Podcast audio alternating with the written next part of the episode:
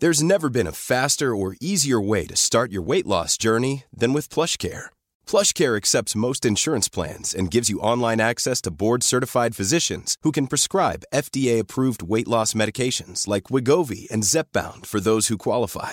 Take charge of your health and speak with a board-certified physician about a weight loss plan that's right for you. Get started today at plushcare.com slash weight loss. That's plushcare.com slash weight loss. plushcare.com slash weight loss. I'm Sandra, and I'm just the professional your small business was looking for. But you didn't hire me because you didn't use LinkedIn jobs. LinkedIn has professionals you can't find anywhere else, including those who aren't actively looking for a new job but might be open to the perfect role, like me.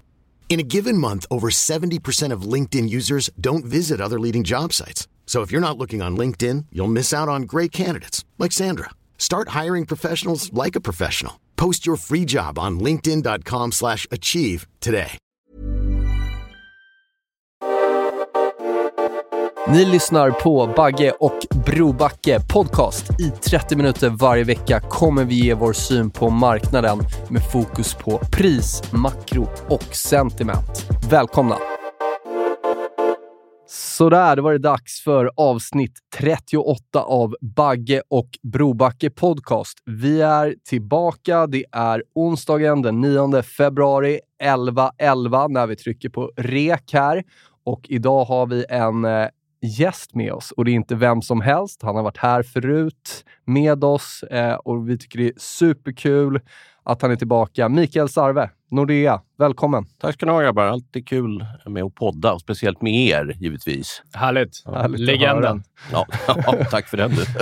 Nej, men du var med, när var det senast? I uh, våras va? Ja, Somras? i maj eller juni. Jag tror det var maj, Mm. eh, nu när jag tänker efter. Eh, och, och kort reflektion, vi behöver ju liksom inte eh, titta för mycket bakåt, men de sakerna som vi och framförallt du var inne på med med stigande räntor och tufft för de här liksom, eh, lågräntetradesen och så vidare har ju, kan man ju minst sagt eh, säga att det har spelat ut. Inflationen har överraskat på uppsidan och så vidare. och Så vidare. Så att jag tog mig friheten att lyssna igenom vårt gamla avsnitt och får väl eh, verkligen lyfta på hatten att det var ju, det var ju spot on, skulle jag säga, det mesta som vi pratade om. Så det är ju spännande eh, och kul att se. Ja, absolut. Nej, men, och, och, jag tycker den makrobild vi pratade om då har ju stämt nästan till pricka. Mm. Sen är det ju med, med räntemarknaden är det lite så att den går ju lite vågor upp och ner och det var ju en period under sommaren och räntorna föll ganska mycket, eh, helt klart. Och det hade väl inte riktigt jag i mitt scenario. Jag trodde väl att de mer skulle gå sidledes. Men sen nu så, så har det ju spelat ut det som har varit väldigt tydligt. Det är ju hela omsvängningen av alla centralbanker som ju liksom låg i, i mitt scenario då och som inte var, vare sig var prissatt eller att det var så många andra som trodde på eh, eh, i, i våras och, och kring årsskiftet, förra årsskiftet. Eh, så det har varit kul att se och precis som du säger har det också fått tydliga effekter på, mark- på aktiemarknaden och, och vilka sektorer och delar som har funkat och inte funkat. Ja, det blir extra, eh, alltså extra kul att, ta en, en, en, en till podd idag här och se hur vi, vad vi är härifrån, så att säga. Ja, för det är, det, är ju, det är ju otroligt spännande läge nu, speciellt om vi liksom tittar på räntemarknaden och, och diverse obligationer och nivåer och så vidare. Men jag tycker vi kan väl... Jag tror både jag och David har kikat igenom eh, ditt fina eh, chartpack här. Eh, så vi, vi kan väl bara börja med liksom, eh, din, din generella syn på Ja. marknaden. Ja. Vad, hur känns det där Ja. ute? Vad ser du i graferna? Ja, men det, det känns ju lite stökigt, eh, tycker jag rent allmänt. Och, och eh, min vy in i 2022 var, eller har varit, eller vår vy, att vi ska ha, det här ska vara ett år med mycket högre volatilitet i aktiemarknaden. I och med att centralbankerna snor likviditet från marknaden. I och med att vi kommer att ha en lägre ekonomisk tillväxt det här året. Alltså det blir inte den här enorma upprevideringen av allting, både tillväxtscenarier och, och, och vinstscenarier som var i fjol. Och sen har vi ju eh, ett växande problem skulle jag säga med vinstmarginaler i termer av att lönekostnader stiger eh, och sätter tryck på dem eh, på toppen av det. Och sen har vi då givetvis räntehöjningar att vänta och vad jag tror fortsatt kommer vara den stora skillnaden på räntesidan det här året mot förra året är ju då stigande realräntor. I fjol gick ju realräntorna till och med ner i Europa eh, trots att det var en väldigt god konjunktur. Eh, I år så ser vi att det börjat gå upp på realräntesidan och att det är mer det som driver ränteuppgången än inflationspremier som var fallet förra eh, året. Då då. Och det, lägger man ihop allt det där så brukar det leda till väsentligt mycket mer eh, volatila aktiemarknader som vi har sett i början på året. Här då. Har, har det varit en eh, mer volla än vad ni liksom tänkte i, vid nyår? Det gick väl lite snabbare, eh, Mm. eh, som vanligt höll jag på att säga, när man, när man börjar tro saker. Och, och den här realränteuppgången som vi har penslat in under egentligen hela det här året, då, kom, delar av den kom ju väldigt, väldigt snabbt. Eh, vilket ju tryckte till eh, tillväxtaktier ganska rejält eh, och, och, och var väldigt plus för, för, för, för mer lågvärderade bolag då, vilket har varit vår tes då, att det skulle ske det här året. Då. Så det har gått snabbare helt klart än så länge än vad, vad, vad, vi, vad, vad vi trodde. Men det är ju i grunden i, i linje med plan eller vad vi ska kalla det för. Mm. Och hur är det? Om man, jag, jag kan personligen så tror jag ju liksom att eh, liksom, eh, långräntetoppar och så den här veckan, den amerikanska framför allt, eh, kanske inte europeiska, kanske senare i vår, men i min värld är det ju lite lite så här max eh, Fed, FER och så vidare i marknaden nu. Man har prisat in ganska mycket, fem räntehöjningar i år. Ehm, eh, hur, jag vet inte vad, vad, vad, vad du tror på antal höjningar och sådär, men är det, liksom, är det, är det troligt, jag menar som, som vissa amerikanska, sju höjningar i år, tre nästa år. Är det något som bara kommer liksom lite smidigt smita förbi i marknaden? Jag tycker det känns liksom, så jag som dessutom har en ganska dyster tro på konjunkturen, då, då eh, skjuter man ju rakt in i en fallande konjunktur i så fall. Ja, jag, jag är väl inte fullt lika negativ som dig på konjunkturen. Jag, jag, tror att om vi börjar den delen så, så kommer det nog vara en ganska tudelad konjunktur det här året. I det att ledande indikatorer över tillverkningsindustrin, typ inköpschefsindex och liknande som vi har börjat se rulla över, de kommer nog falla ihop ganska rejält. Men sen har vi ju tillbaka till det här att vi har ett återöppningsscenario efter eh, covid och den senaste omikronvarianten som ju bör leda till att det kommer bli sämre efterfrågan på varor men väsentligt mycket bättre efterfrågan på tjänster. Och, och, och, och det är klart att det är inom tjänstesektorn de flesta arbetar. Eh, så. Eh, och, och, och, så, så i mitt scenario så kommer det ju vara en kluven ekonomi där, där, där det är lite svårt att veta vad, vad, vad marknaden kommer att fokusera på. Eh, och sen kommer vi fortsatt ha extremt starka arbetsmarknader där vi har då ett lönetryck i USA som är det högsta vi har sett sedan, någonstans mitten på 80-talet. Löner i USA ökar ju numera med en bit över 4 procent. Eh, och, det har, och, och sådana takter har vi inte sett sedan typ 86-87 eller något sånt. Eh, Och det är ju det som driver på det här Fed-scenariot. Eh, det har ju varit den här långa diskussionen som vi hade förra gången kring om, om inflationen skulle vara övergående eller inte. Mm. Den har, den har ju varit lite fel eh, tänkt tycker jag, den diskussionen i det att det är klart att det finns många delar i inflation som förmodligen kommer att, där årstakten kommer att komma ner, typ energipriser och annat så småningom. Då. Eh, Men eh, för en centralbank, för Fed, är ju inte det som är det viktiga på inflationsspelet utan det är ju vad som händer på arbetsmarknaden med löner. Så det kommer ju ta över som drivare för, för den här Fed-höjningstankegången. Eh, Sen håller jag med om eh, att, att det just nu har prisats in väldigt aggressivt på kort sikt, alltså i korta räntor. Mm, mm. Så det är väl typ en 5,5 höjning i, i år och, ytterligare ett par höjningar nästa år inprisat. Så det är, och vårt scenario har, varit, har ju varit att, att, att liksom, de borde höja fyra gånger i år och fyra gånger nästa år. Jag är inte någon anhängare av den här idén att de ska höja 50 punkter till att börja med som också är i, till liten del inprisad i alla fall i det här. Då.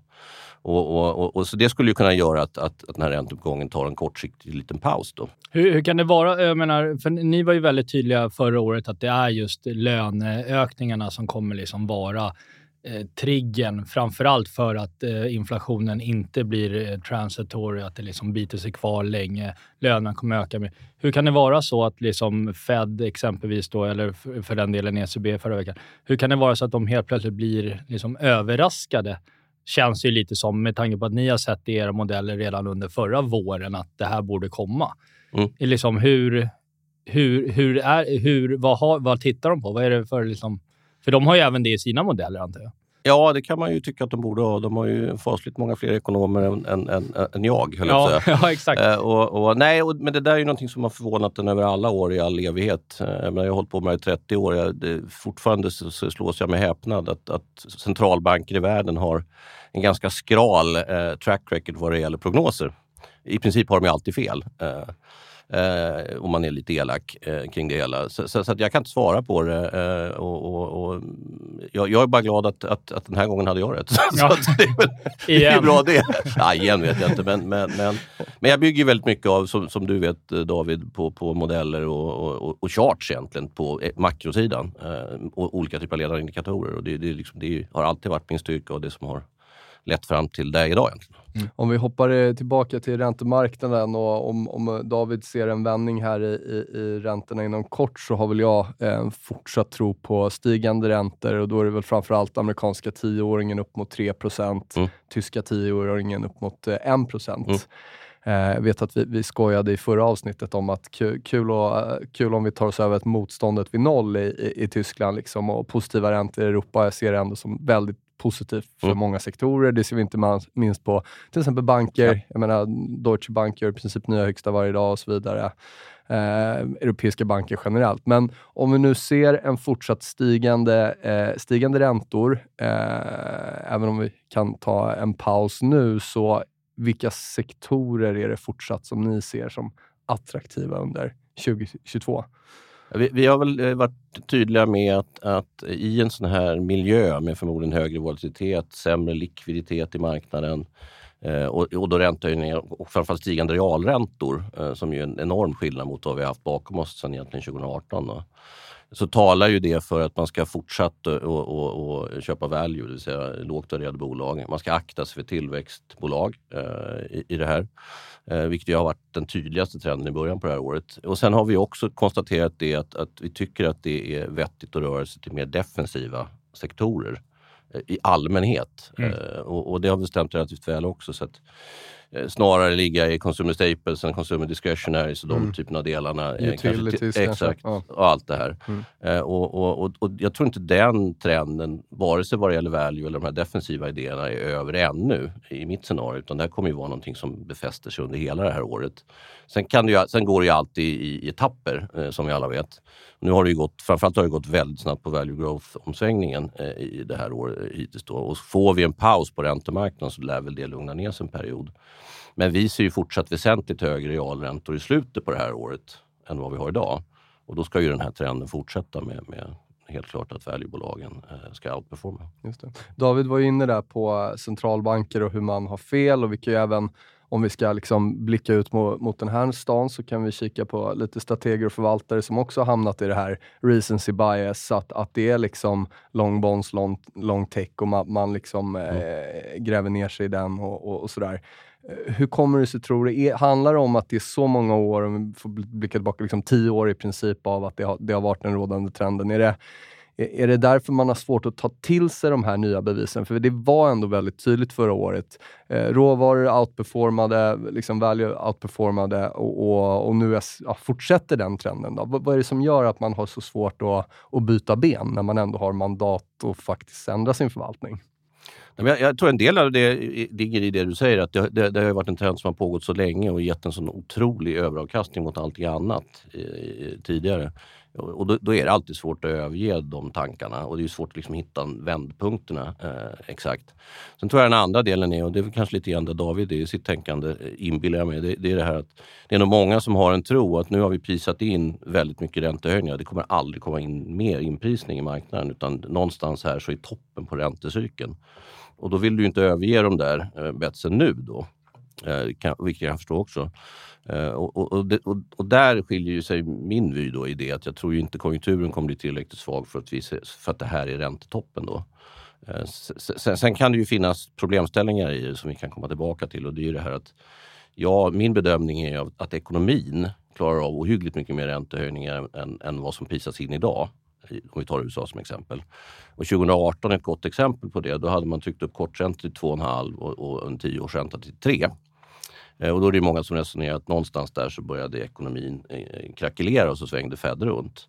Det stämmer ju inte om man tittar på statistiken utan hade det varit så eh, då skulle man ju förväntat sig att arbetslösheten borde stigit under 2019 av den enkla anledningen att penningpolitiken då verkar med en, med en fördröjning. Eh, och det gjorde inte arbetslösheten, utan arbetslösheten fortsatte sjunka, sjunka under 2019. Så det som Fed gjorde då och varför de vände runt, det hade ju bara att göra med eh, att inte eh, aktievärderingarna klarade av det. Mm. Men då hade man heller ingen inflation att man behövde bry sig om, eh, vilket är en, en, en helt annan eh, eh, ja, det, det, ser helt annorlunda ut idag. Då. Men om man tittar på typ eh, yieldkurvor så här, som börjar på sina håll nästan invertera mm. redan nu. Eh, jag menar, jag såg någon, någon graf eh, på, på, på Twitter häromdagen eh, med att senast den yieldkurvan som den refererar till, då, det, då var, det var liksom i, mitt i Feds räntehöjningscykel Mm. förra gången. Mm. När man redan hade höjt ett par gånger. Och när, när, efter det skedde sen, då höjde man liksom tre gånger till och sen var det liksom eh, slut på räntehöjningen. Liksom. Och, nu att, och då är tesen då att man har tagit ut ganska mycket. För i rörelsen har ju kommit, jag menar visst man ska banta balansräkningen ner mot här, 6 triljarder dollar. Men, men, eh, men det har ju inte hänt än. Det är ju en kommunikation och även liksom räntehöjningen har ju inte heller hänt än. Det är också Nej. en kommunikation. Så man har börjat prisa in väldigt liksom, aggressiv liksom Fed och ECB nu sen i torsdags. så Redan nu då. Att man har, och det är väl lite inne, som du är inne på kanske, med lite kort och lång sikt. Ja. Är Nej. att man har dragit tangenten lite långt kanske på... På, på, och det håller jag med om. Eh, Och kanske speciellt på ECB där man nu lig, ligger med i princip två höjningar inprisade i år och jag tror tre höjningar nästa år. Något sånt här, eh, more or less. Eh, och, och även fast det var en tydlig omsvängning av ECB så undrar jag om de verkligen kommer trycka igenom så många höjningar eh, som, som det är prisat. Så, så jag håller med om det på det sättet. Men sen är ju frågan om kurvan, i, den, den tycker jag är intressant i det att det är klart att det är många som, som säger att nu har vi haft en väldigt tydlig kurvflackning. Det är ett tecken på att konjunkturen håller på att lägga sig. Eh, Så. Eh, Och, och, och, och det är ett- också ett tecken på att Fed håller på att gå för långt redan innan de har börjat. då Mm, mm. Eh, Och, och jag tolkar ju inte den här kurvflackningen som på det sättet den här gången. Eh, dels eftersom, tittar man historiskt så, så brukar det ju vara så att det spelar liksom ingen roll. Om man tar en traditionell kurva, en 10 mot 2 år som de flesta brukar Mm. titta på. Eh, Det finns ju gott om tillfällen där kurvan varit väsentligt mycket flackare än idag om man ändå haft liksom en accelererande tillväxt de kommande två åren. De gånger det har varit en tydlig signal är ju när två år tidigare inverterar, det vill säga när tioårsräntan handlar under två år. Så det är ju det ena. Man, vi har inte kommit dit än att, att den här signalen är så tydlig tycker jag. Och sen är ju den andra delen att den här gången så tror jag att kurvflackningen, eh, det är ju inte eh, en kurvflackning på realräntesidan utan det är de nominella kurvorna som har flackat. Så det är en inflationsindikation. Vi har ju skyhög inflation idag och även fast jag har pratat om att den kommer vara lite mer uthållig än vad många andra har trott så innebär ju inte det att den kommer ligga kvar utan den kommer ju komma ner. Så det vi ser i kurvan är ju egentligen att, att kurvan prisar in lägre inflation längre ut än vad vi har just nu. Det är inte tror jag att den prisar in någon konjunkturavmattning. För tittar du på en real kurva, om du tar till exempel 10 mot 5 eh, realräntor mot 10 mot 5 nominella räntor. Mm. Så är den reala kurvan är ju väsentligt mycket brantare än vad den brukar vara i det läget och 10 5 nominellt är så här flacka. Så jag tror att det är en annan typ av signal vi ser i kurvan den här gången. Man får blicka lite bredare med andra ord. Ja, jag tror det. Ja. You should celebrate yourself every day, but some days you should celebrate with jewelry. Whether you want to commemorate an unforgettable moment or just bring some added sparkle to your collection, Blue Nile can offer you expert guidance and a wide assortment of jewelry of the highest quality at the best price. Go to BlueNile.com today and experience the ease and convenience of shopping Blue Nile, the original online jeweler since 1999. That's BlueNile.com. BlueNile.com. Hi, I'm Daniel, founder of Pretty Litter. Cats and cat owners deserve better than any old fashioned litter. That's why I teamed up with scientists and veterinarians to create Pretty Litter. Its innovative crystal formula has superior odor control and weighs up to 80% less than clay litter. Pretty Litter even monitors health by changing colors to help detect early signs of potential illness. It's the world's smartest kitty litter. Go to prettylitter.com and use code ACAST for 20% off your first order and a free cat toy. Terms and conditions apply. See site for details.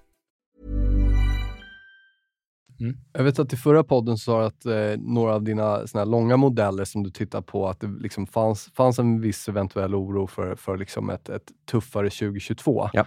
Eh, nu låter det nästan som, även om vi, ja, vissa sektorer kommer ha problem, sådär, nu, nu känns det lite som att du kanske har en lite positivare syn om 2022 ändå.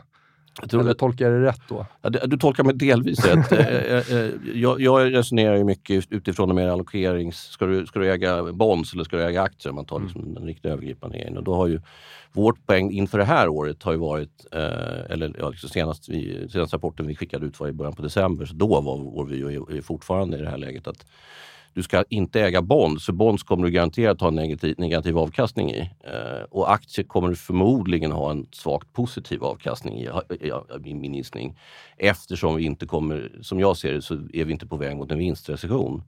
Och har man ingen vinstrecession så brukar aktier ändå liksom klara det eh, även under mer volatila år som det här. Alltså det har väl varit argumentet. Så på det sättet kanske jag är väl kanske något mindre ja, orolig än vad jag var då. Eh. Samtidigt har man ju ändå börjat här året ganska svagt på aktiesidan.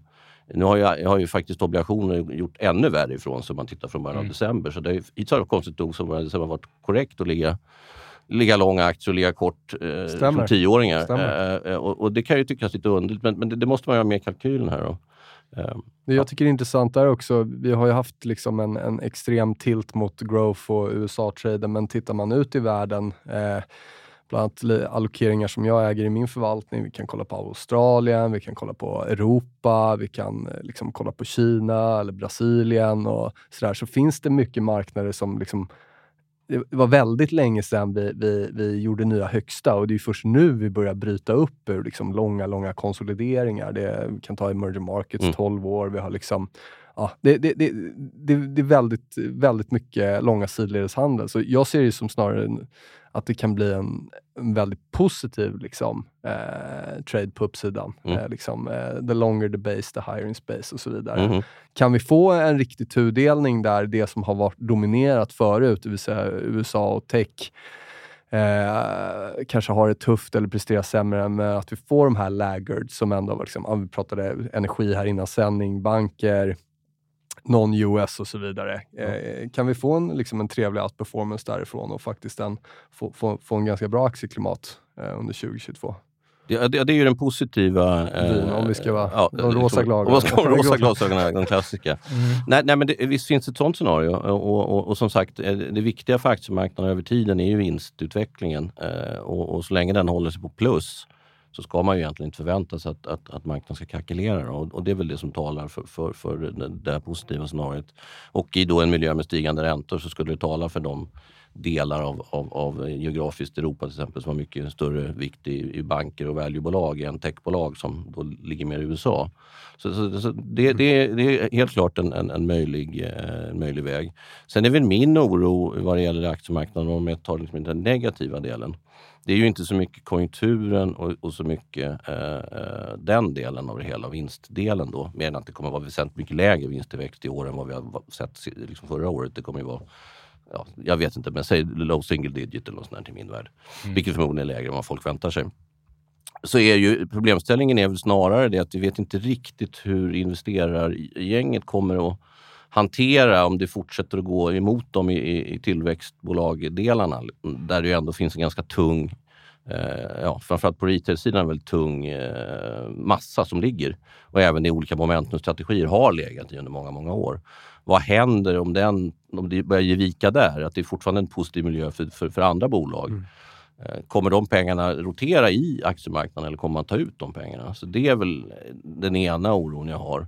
Eh, Om jag ska vara lite mer negativ. Den Jag slänger in en snabb Ja, ja. Har inte det lite redan hänt då? 50% av aktierna på Nasdaq är mer, ner mer än 50% Nej, men så är det ju. Ja. Och, och, och, och det är svårt att prata om aktiemarknaden brett just nu eh, i det här att det, det är många delar som har, har Ja, jag menar, ta de här non-profitable tech, är ju ett klassiskt index som många följer numera, som är ner 50% från toppen och toppen var ju februari i fjol.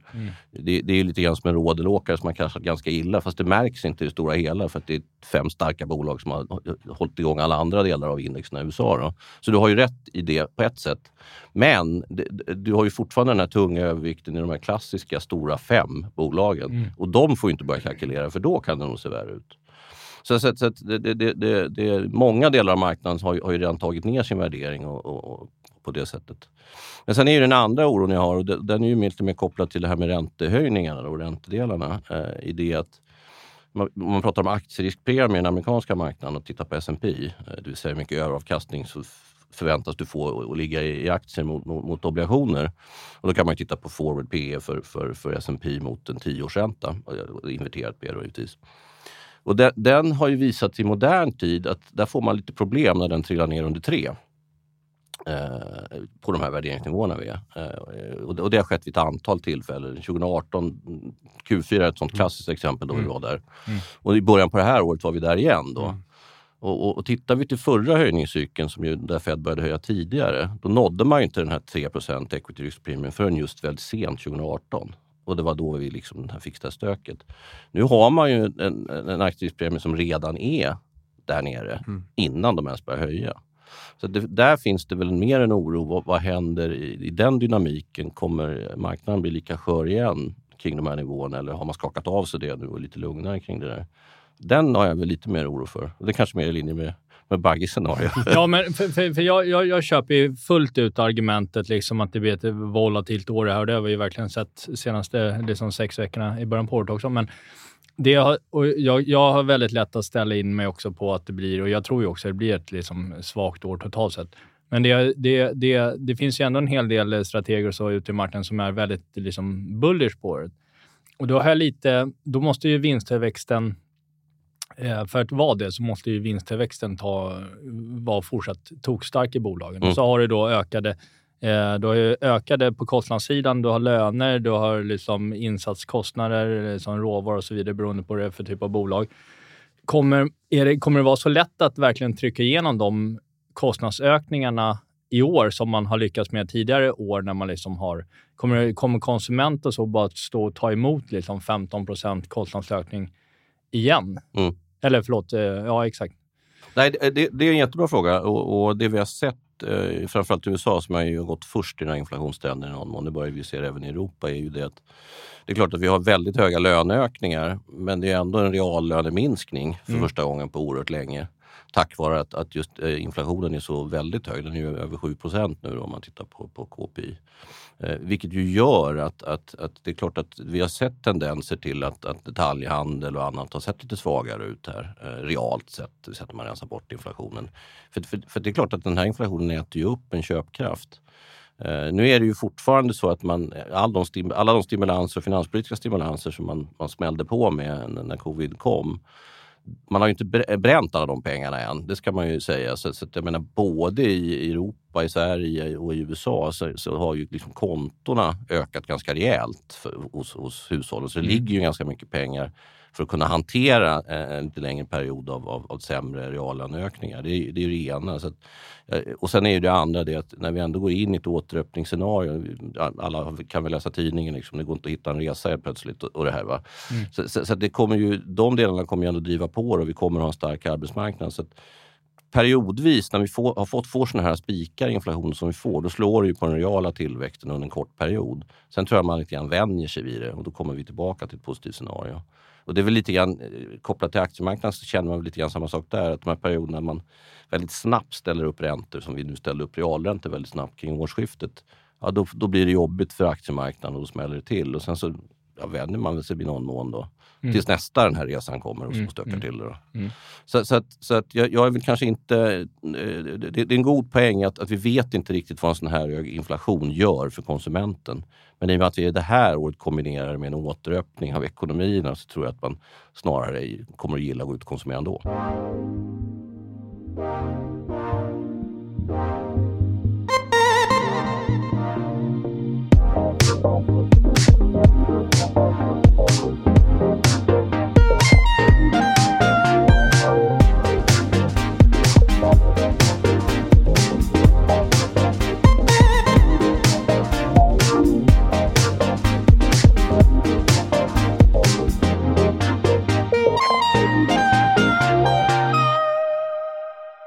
Vet att vi pratade valuta sist och jag tror du pekade ut en potentiell dubbeltopp där i eurodollarn och det, den spelade ut kan man ju lugnt säga. för mig kanske en av de största eh, positiva triggerserna för börsen kan vara om, om vi nu såg en topp i dollarn. Mm. Mm. Eh, vad är din syn på, på valutorna just nu, eller er syn? Vi, vi, har ju, vi, vi ligger fortfarande kvar med en, med en vy om att dollarn ska fortsätta stärkas härifrån. Då. Ehm, och eh, den byggde ju, hela tiden har den byggt på framförallt relativ centralbanktro, att Fed kommer att vara betydligt mer hökaktig och gå snabbare fram. De kommer börja reducera sin balansräkning långt innan ECB eh, och så vidare. Och det är klart att den synen har ju fått sig lite grann en törn av förra veckans ECB-möte eh, e som ju i alla fall överraskade mig i termer av att jag trodde väl inte att det skulle komma en så snabb omsvängning. Att den skulle komma, fine. Mm. Men att den skulle komma redan nu då i termer av Det är inte bara att hon sitter och kollar på tyska tian där, att den bryter över? Ja, ja alltså det, det, tänk om det vore så. Det Nej, jag tror tyvärr inte Lagarde. Jag vet inte ens om hon vet vad en tysk tia är, höll jag på att säga. Nej, det var helt elak. Nej, men, nej, men, nej, men, och, och där är det, men, men det där är ju en, eh, skulle ju potentiellt kunna vara ett, ett tecken på att man, man, man, man ska lugna sig lite i tron på en stark dollar. Men samtidigt, så är, om det blir som jag tror det här året med ganska mycket volatilitet i aktiemarknaden fram och tillbaka och det är ändå i slutändan är förmodligen Fed som kommer leverera mer i linje med vad som är prissatt än vad jag tror ECB kommer göra i linje med vad som är prissatt där nu. Så tror jag nog ändå att jag, jag tror inte vi har fått den där riktiga vändningssignalen än. Utan jag, jag fortsätter att tro på att eurodollar ska ner härifrån. Då. Men, men, men helt klart, jag, jag har lite större eh, osäkerhet i den vyn än vad jag, kanske hade, eller vad jag hade när jag var här sist. Och det känns tämligen tydligt att vi var på väg dit. Så att jag, jag är väl i någon form av fas där jag börjar fundera på om man ska eh, värdera om det där. Men, men, men än har jag inte gjort det. Så man ser rekordvolymer nu i såna här COT-positioneringar, bland annat både i australiensiska dollarn mot US-dollar, alltså Ja. lång Aussie och även i, i, i pund tror jag. Och vi kan titta på UK och deras index som är liksom banktungt och energitungt och i princip ingen tech, ser bra, liksom handlas bra. Jag nämnde Australien innan. Liksom. Eh, va, va, om vi tittar bort från eurodollar, är det några andra valutor som, som ni tycker är intressanta eller valutatrades som, som ni har liksom någon, någon vy på? Vi, vi är ju, jag måste erkänna att vi är väldigt mycket liksom eurodollar Ja. eftersom i, i min värld är det ju, liksom, det, är ju det driver allting annat. Så. Oftast, Ja. inte alltid men Mm. oftast. DXY i alla fall. Ja, ja, men lite så. Och, och, och, och, så så att jag, jag har inga starka vyer utöver det där. Utan då handlar det mer om kronan som ju nu har haft lite problem i början på året. Vad tror vi där då? Är det fortsatt lång, lång USD mot SEK? Det- jag tror ni sa lång euro SEK sist. Ja, För mig att ja, om. Jo. Ja. Eh, och, och det har väl stämt drägligt också då. Eh, och, och, men nu hade vi, vi hade ju kronan uppåt en 10,50 mot, mot euron. Och, och, och, det är inte, jag tycker inte det är ett scenario där kronan ska, ska liksom fullständigt krackelera. Utan, utan eh, det här året så har vi med sidledes i det. eh, Att vi inte ska fortsätta den här försvagningstrenden. Men även där så noterar vi ju som vanligt att så fort du har lite mer volatilitet i aktiemarknaden, lite mer stök, ja, då är det ingen som vill hålla kronan, sannolikt av likviditetsskäl. Så, att, eh, så, så min vy är väl att, att vi ska ligga i någon range mellan 10-20 och 10-40 mest i det här året. Eh, Men att man, om någonting så är risken fortsatt mot lite högre eurosek, svagare sek i det här scenariot. Jag tänkte på Feds balansräkning som ändå har typ en korrelation på 0,97 mot eh, S&P eh, historiskt. Eh, och den, den har man ju tänkt att banta. Jag förstår ju, hela, jag förstår ju hur, eh, att Fed måste agera. Eh, de vill ju också ha firepower och kunna göra någonting när, när, när nästa lågkonjunktur kommer. Man måste ju ha ett annat liksom, ränteläge eh, och förhoppningsvis lite minskad balansräkning. Eh, men finns det eh, finns det en risk så att säga att Fed någon gång på vägen här, säg in i 2023, om vi liksom tills dess står, säg 20 lägre på börserna Mm. än vad vi har idag. Eh, Finns det risk att de blir rädda liksom och, och backar tillbaka helt och bara, nej men nu, eh, det blev, vi kom hit men inte längre. Mm. Och så har man inte så mycket att ta till om då faktiskt konjunkturen går in inför en svag period, typ 24-25 eller något. Nej, den klassiska Fed-putten. Ja. Eh, vad, vad ligger den i år? Eller Ja. vad ligger den nu? Nej, och, och där har ju mitt argument varit och, och, att den borde med all rimlighet ligga längre ner än vad den gjorde i slutet på 2018. Mm. eh, om man tar den jämförelsen. Eh, eftersom då hade man ju, hade ju Fed, de hade ju höjt räntor och hade någonting att jobba med till att börja med. Eh, och den andra delen var ju att man hade ingen inflationsproblem och man hade en arbetsmarknad och lönetillväxt som inte skvallrade om, eller framförallt lönetillväxt som inte skvallrade om att de skulle vara, liksom, li- ligga kvar med någon form av hög inflation. Och då blir det ju ett ganska lätt, eller väsentligt lättare beslut att svänga runt än när man som nu då ligger på noll i ränta. Mm, Eh, redan har den största balansräkningen man någonsin har haft eh, och, och, och dessutom inflation och löner ser ut att fortsätta vara ett problem ur ett centralbanksperspektiv. Då. Mm. Så, så, så min, min syn där har varit det att det är klart att det finns ju en Fed-putt, det tror jag absolut. Men den kommer nog ligga väsentligt längre ner den här gången än vad vi Mm. såg till exempel 2018. Och du måste nog ha en mer uthållig eh, bäst marknad i, i aktier tror jag innan de, de, de agerar på det. Om inte den då givetvis bäst marknaden är kopplad till att konjunkturen fullständigt kollapsar. Ja, då, då blir det en helt annan grej. Men, men, men, men, men som det ser ut nu så skulle jag ju räkna med att det, jag tror inte man ska tro att de hoppar in lika snabbt som de gjorde 2018. För vad är, vad är, vad är alternativet? Säg att man inte kommer så långt, att man blir skrämd på vägen. Eh, man höjer några gånger, man försöker banta balansräkningen lite grann. Det gick sådär. Mm. Börsen är ner 25 procent Mm. och så konjunkturen börjar vika. Man är inte lika, liksom, känns inte lika kul längre och, och vara lite hawkish. Vad, vad, vad är... Nu, nu pratar det här är liksom allmänna, liksom, nu är det allmänna reflektioner längre fram här. Till skillnad från något annat. Ja. Ja, just det. Nej, men vad, vad, vad, vad gör Fed i ett sånt läge? Det blir minusräntor även i USA då, den gången då och eh, liksom köper aktier, liksom, rakt SPY-ETFen rakt in på balansräkningen eller vad det som var. Vad är nästa steg hos de galna centralbankerna? Ja, men Jag- om man liksom inte liksom kommer så långt den här gången. Nej, nej men eh, jag skulle ju gissa eh, att, att, att eh, aktieköp i min värld kommer nog före minusränta vad det gäller Fed. För Fed har varit så oerhört emot idén med negativa räntor eh, under lång, lång, lång tid. Mm. Och det har funnits många tillfällen där de liksom hade kunnat gå till minusränta och inte gjorde det. Så jag tror mer att det blir, blir en, en ytterligare jobb med balansräkningen i ett sånt mer dystert scenario. Mm. Ja, det skulle jag gissa. Nu hoppar vi vilt här mellan frågorna, men high yield är ett sånt här eh, HYG-kontraktet bort i USA som, som jag såklart alltid har och kollar på skärmen och Ja. har varit under press. Eh, vi kan se på, på hemmaplan också, svenska räntefonder har haft det tufft, men, men med det sagt, så när jag prisar high yield mot IEF, alltså 7 och 10-åriga eh, amerikanska bonds, så stiger ändå den relationen.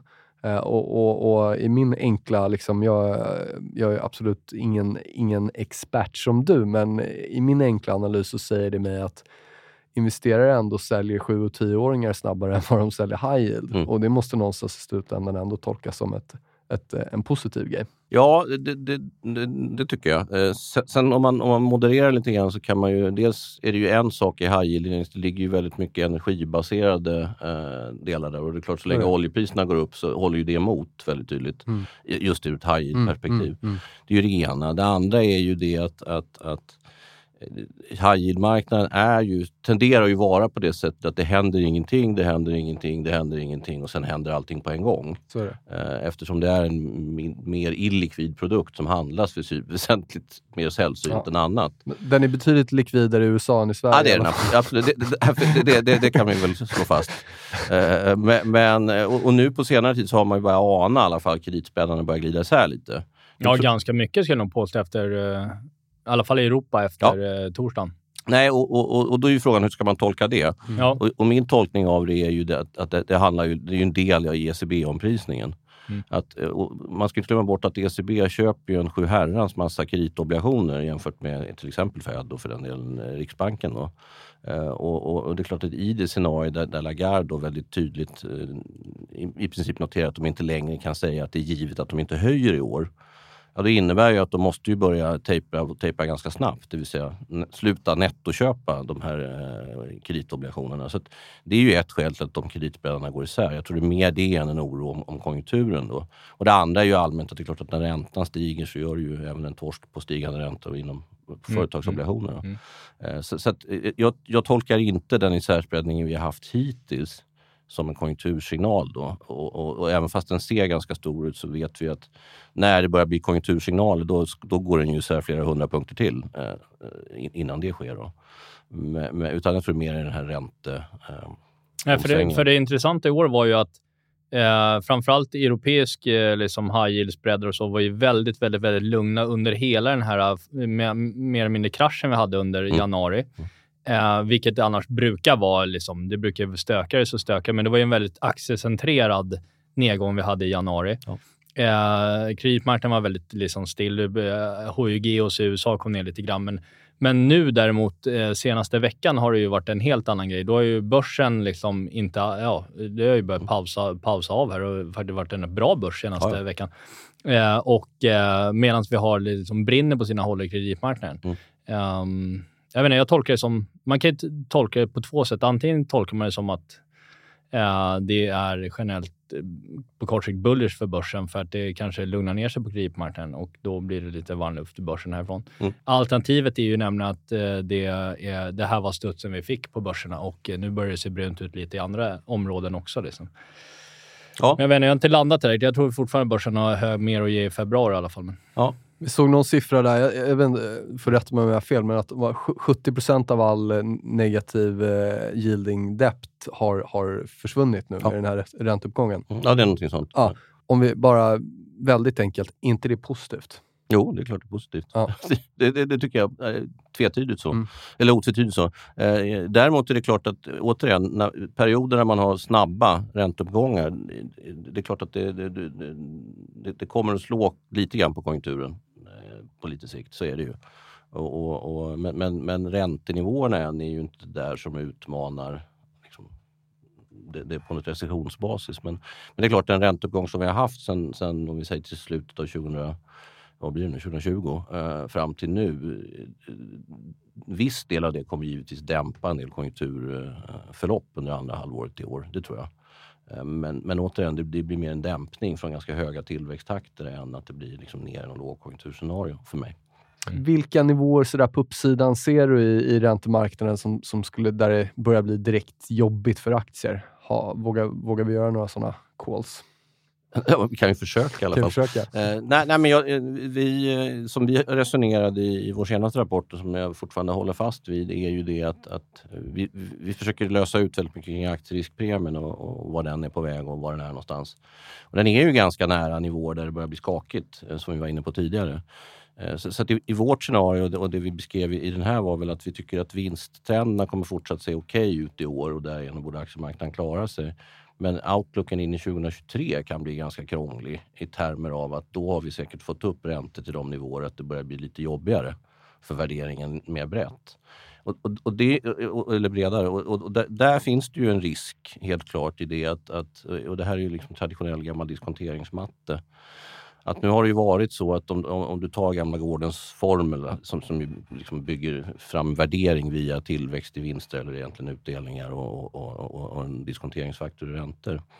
Så, så, så under hela det förloppet vi hade fallande räntor så är ju effekten på värderingen det att du har i princip en exponentiell effekt i värderingsmässigt. Så, så länge räntorna faller och marknadsräntorna går ner och marknadsräntorna är låga så motiverar ju en väsentligt mycket högre multipel på de bolag som har förväntas ha högre tillväxt i vinsterna framöver. Och, och den är ju då exponentiell. Eh, men den är exponentiell på båda hållen. Så att när räntorna börjar stiga nu då, så är det klart att då får du en exponentiell resa åt andra hållet. Att då, då ska du motivera väsentligt mycket lägre värderingar väldigt snabbt. Eh, bara rent Mm. matematiskt. Och, och den är ju knepig, så det kan ju vara, det, det, där kan jag ju gå fel här då eh, i termer av att kanske är det så att marknaden inte tål eh, en, en tioårsränta på två, mellan 2,5 och 3 som jag skulle gissa att den, den gör efterhand om man liksom låt, rullar ut scenariot och det går för snabbt. Eh, så där ligger en risk. Mm. Om man tittar på bolag specifikt. Eh, jag vet, du brukar prata ibland om om man tittar på eh, småbolagsoptimism i, i USA.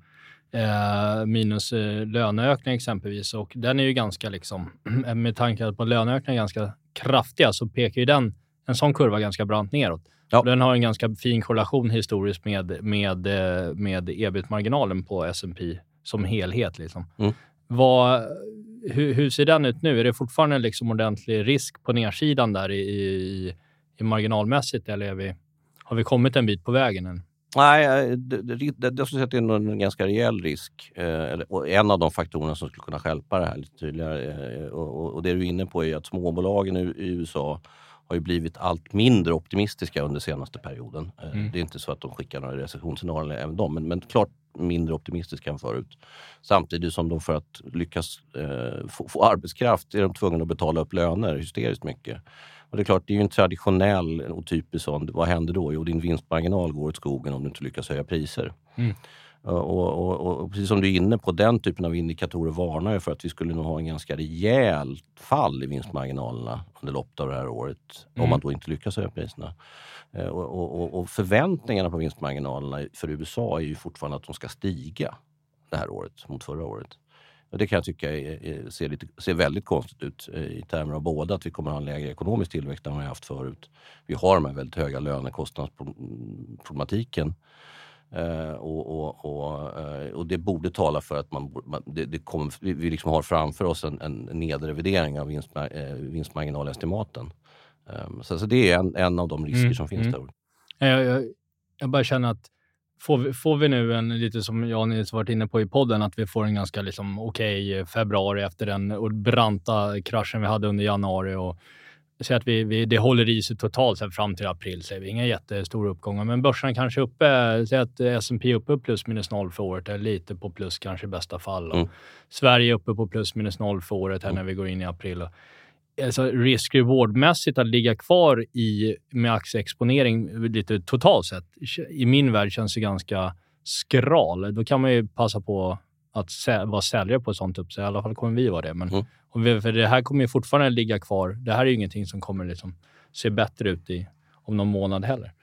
Nej, det, och, och det, jag, jag, säger inte emot det här. Utan, och, och, och, för mig är väl problemställningen är det, vad, vad ska du köpa istället då? då? Uh, alltså om jag är lite krass. Ta en traditionell 60-40 portfölj, alltså 60 eh, aktier, 40 räntor. Eh, och, och, och, så tittar man på hur, hur, den har gått det här året så ser vi ju det att du får stryk båda ändar. Mm. Eh, så att, eh, du har inte haft mycket bevänt att hoppa in i, obligationsmarknaden. Jag tror inte du kommer ha det då heller. Utan du får hitta andra eh, delar i det hela och jobba antagligen mer med, med derivat och optioner och så vidare. Förmodligen, för de som kan det och, de som, mm. och där är det vettigt. Det är, det är klart att då, då, måste man kunna sin sak.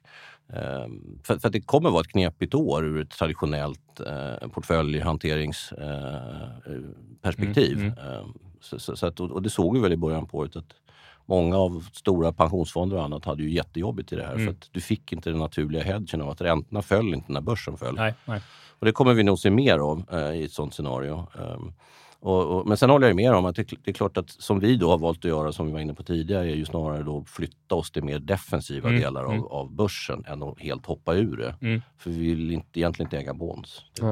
men svaret, svaret på alternativet där, det är väl den, det, det, som gick bäst förra året, det vill säga commodities. Trots att det liksom dominerade eh, avkastningsmässigt så ser vi fortfarande egentligen inga stora inflöden. Nej. Uh, och jag menar, när jag, när jag började, inte så länge sedan med det här, men då pratar man ändå om tre tillgångsklasser och de senaste tio åren har det bara varit två tillgångsklasser. Ja.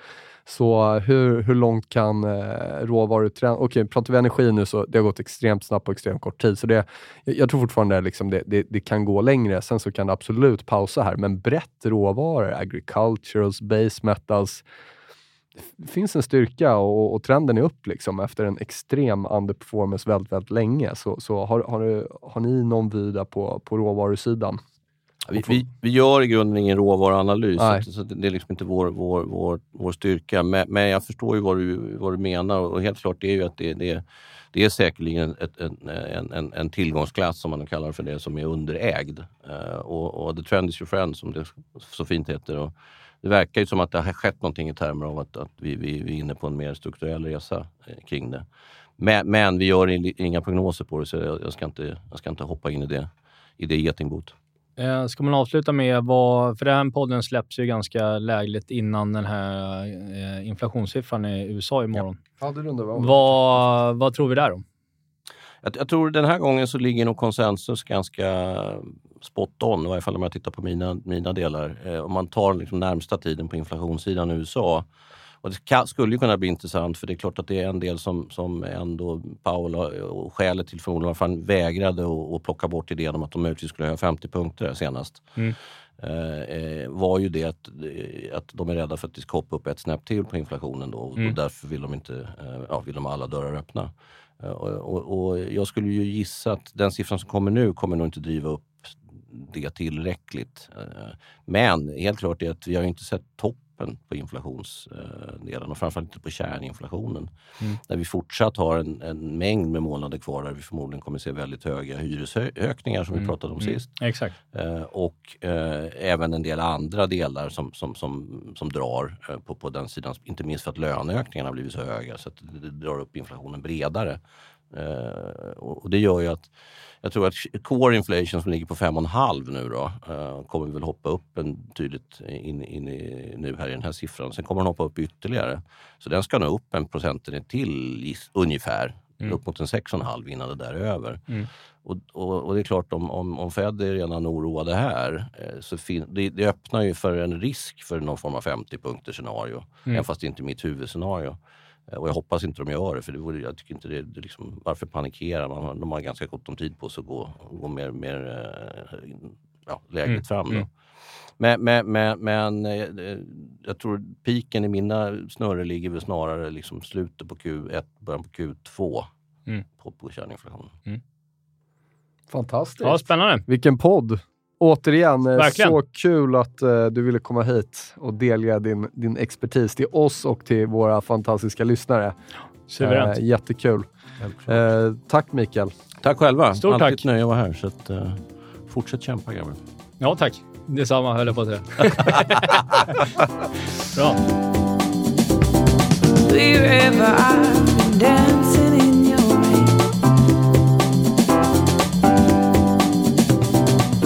wherever I